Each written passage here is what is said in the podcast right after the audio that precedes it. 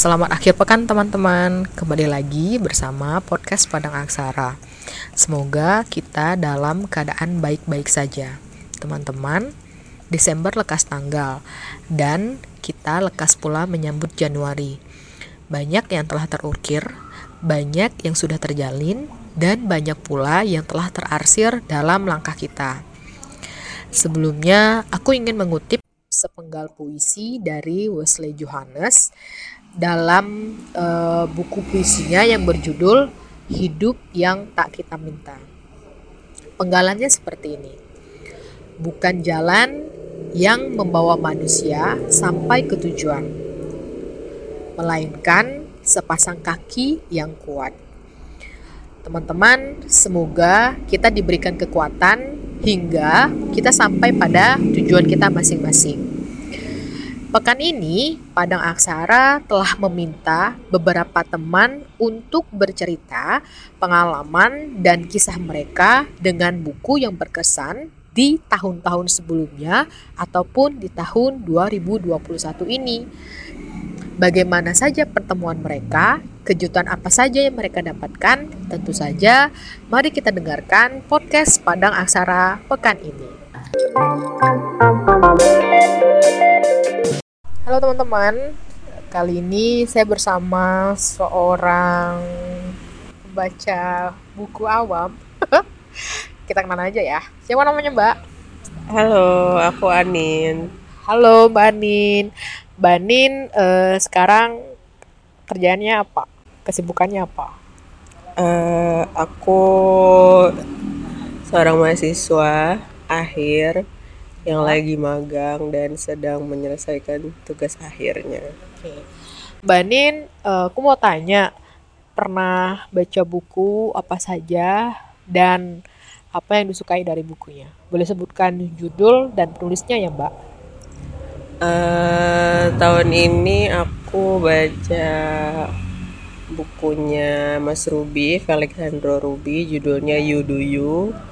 Terus uh, baca buku keduanya Laksmi Pemuncak yang mau kekasih musim gugur terusannya dari Amba sama baca apa ya puisi kumpulan puisinya Yohanes sama Teores siapa namanya lupa Teores Rumi Oke, dari beberapa buku yang disebutkan, mana tuh Mbak yang paling berkesan bagi Mbak? Kalau bagi aku yang ini sih, yang you do, yang you do you bukunya. Oke, okay, apa yang buat berkesan bagi Mbak? Karena buku itu ngajarin kita untuk uh, you do you kan artinya apa ya? Kayak kita fokus ke diri kita sendiri, jangan banding-bandingin sama orang lain. Apa yang kita suka, apa yang mau kita improve, apa yang mau kita kembangin.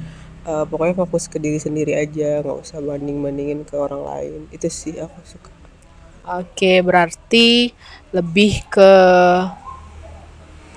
ke proses untuk mengenal diri ya mbak?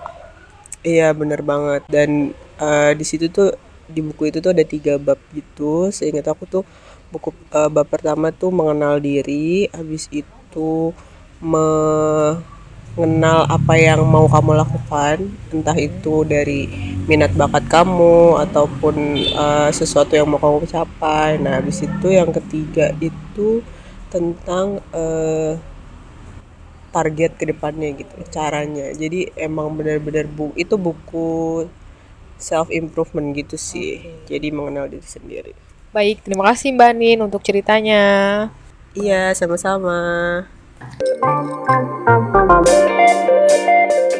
Selain berjumpa dan mengobrol dengan Mbak Anin, Mbak Indi juga menjumpai teman lainnya. Yuk kita simak cerita mereka. Lagi bareng saya Indi, sekarang kita kenalan dulu ya dengan Mbak yang ada di samping saya. Hai, halo kenalin nama aku Tias. Uh, hai Mbak Tias. Iya, hai Mbak Indi. Jadi sekarang umurku 24 tahun. Hmm. Terus sekarang bekerja sebagai floris di Jogja. Hmm. Terus okay. apa lagi?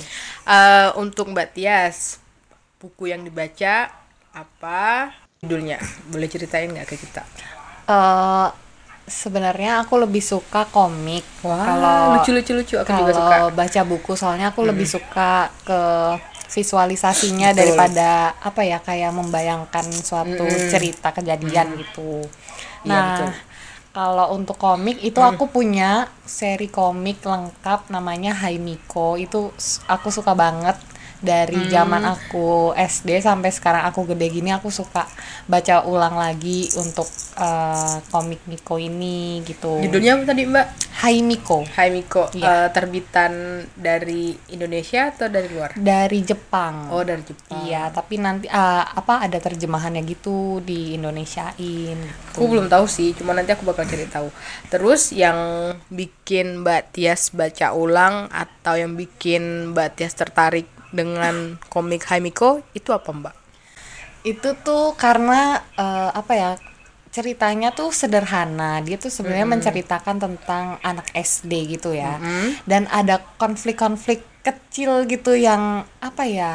kepolosan-kepolosan anak SD gitu. Nah, aku tuh sukanya di situ. Terus yang bikin aku suka juga eh, cara menggambarkan situasi di dalam ceritanya itu sih lucu banget. Terus Oh gitu. eh, dan yang paling aku suka pas baca komik Haimiko ini tuh kayak aku tuh suka apa ya? eh bacanya tuh suka dinadain gitu kalau si karakter ada eh, ada karakter namanya Miko dan Tapei. Jadi kalau Tapei itu cowok, Miko itu cewek. Jadi Oh, aku iya. bacanya kayak ada di dalam pikiran aku tuh ada eh, nada iya ada nada bicaranya kayak gimana cewek kayak gimana cowok kayak gimana kayak gitu. Dan itu yang membuat aku bisa menghayati dan kayak apa ya Tenggelam ngakak. dalam cerita Iya, gitu ya. teng- tenggelam dalam cerita gitu bikin ih gemes banget sih mereka kayak gitu sih. Itu yang bikin aku suka sama komik itu. Sampai sekarang pun aku masih ngikutin seriesnya. Kalau sekarang udah sampai series berapa? udah 32 apa ya kalau nggak salah dari banyaknya series gitu Oke, judulnya Haimiko ya Mbak ya? Iya, Hai Miko. Oke. Rekomen banget buat kalian yang mencari hiburan dan gak mau mikir berat gitu. Itu seru banget, sumpah. Judulnya Haimiko. Ya. Oke, terima kasih Mbak Tias. Dilanjut- Dilanjutkan lagi ya bacanya. Selain menjumpai teman untuk mengobrol tentang buku yang berkesan di tahun ini dan tahun-tahun yang lalu, eh, kita juga membagikan pertanyaan itu kepada teman-teman yang lain. Ada beberapa teman yang kami kirimkan pertanyaan yang sama seperti yang disampaikan Mbak Indi kepada teman-teman kita yang lain. Nah, mereka mengirimkan kembali jawaban mereka dalam bentuk rekaman. Kita simak yuk cerita mereka.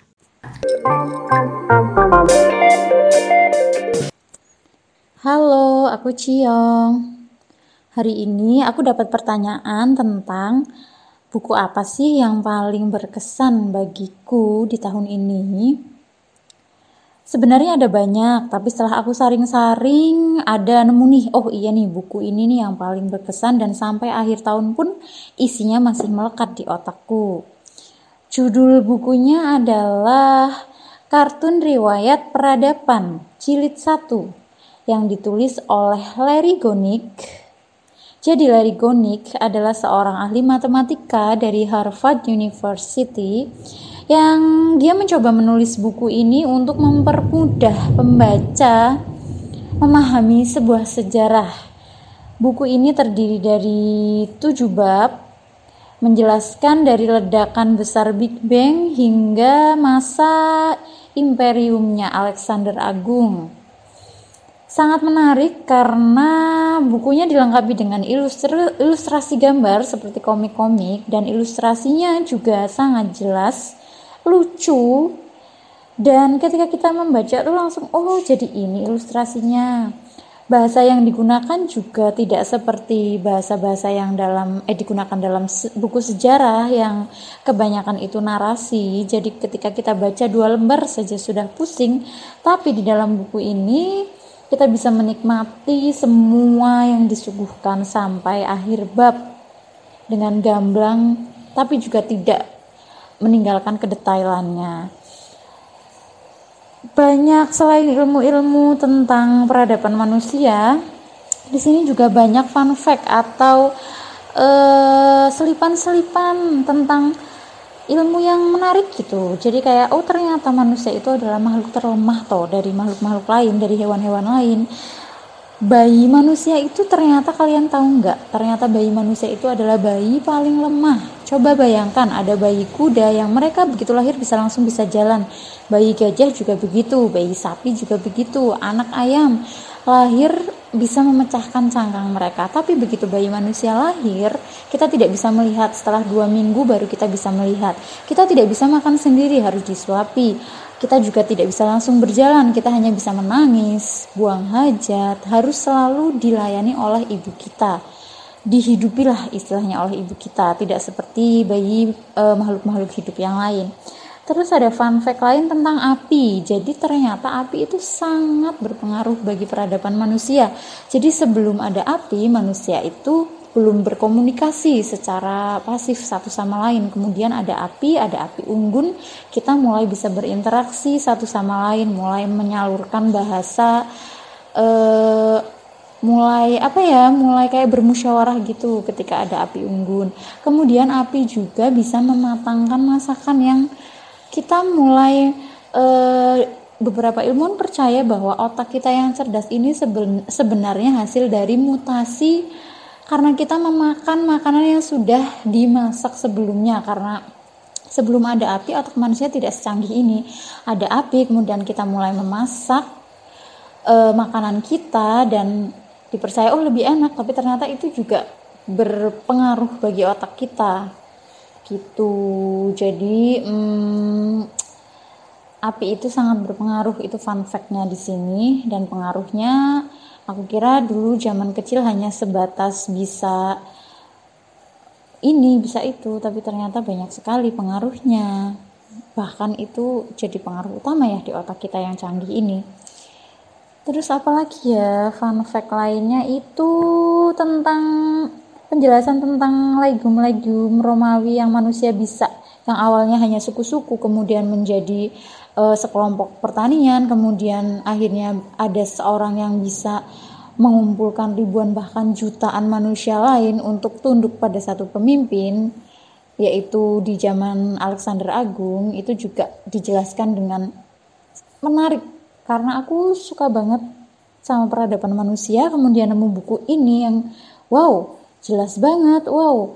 Dia kok keren banget. Akhirnya aku memutuskan iya deh ini kayaknya buku yang paling berkesan di tahun ini. Aku ulangi lagi ya judulnya kartun riwayat peradaban yang ditulis oleh Rani Larry Gonik. Jilid satu. Dia ada tiga jilid tapi aku baru baca jilid satu. Sekian terima kasih.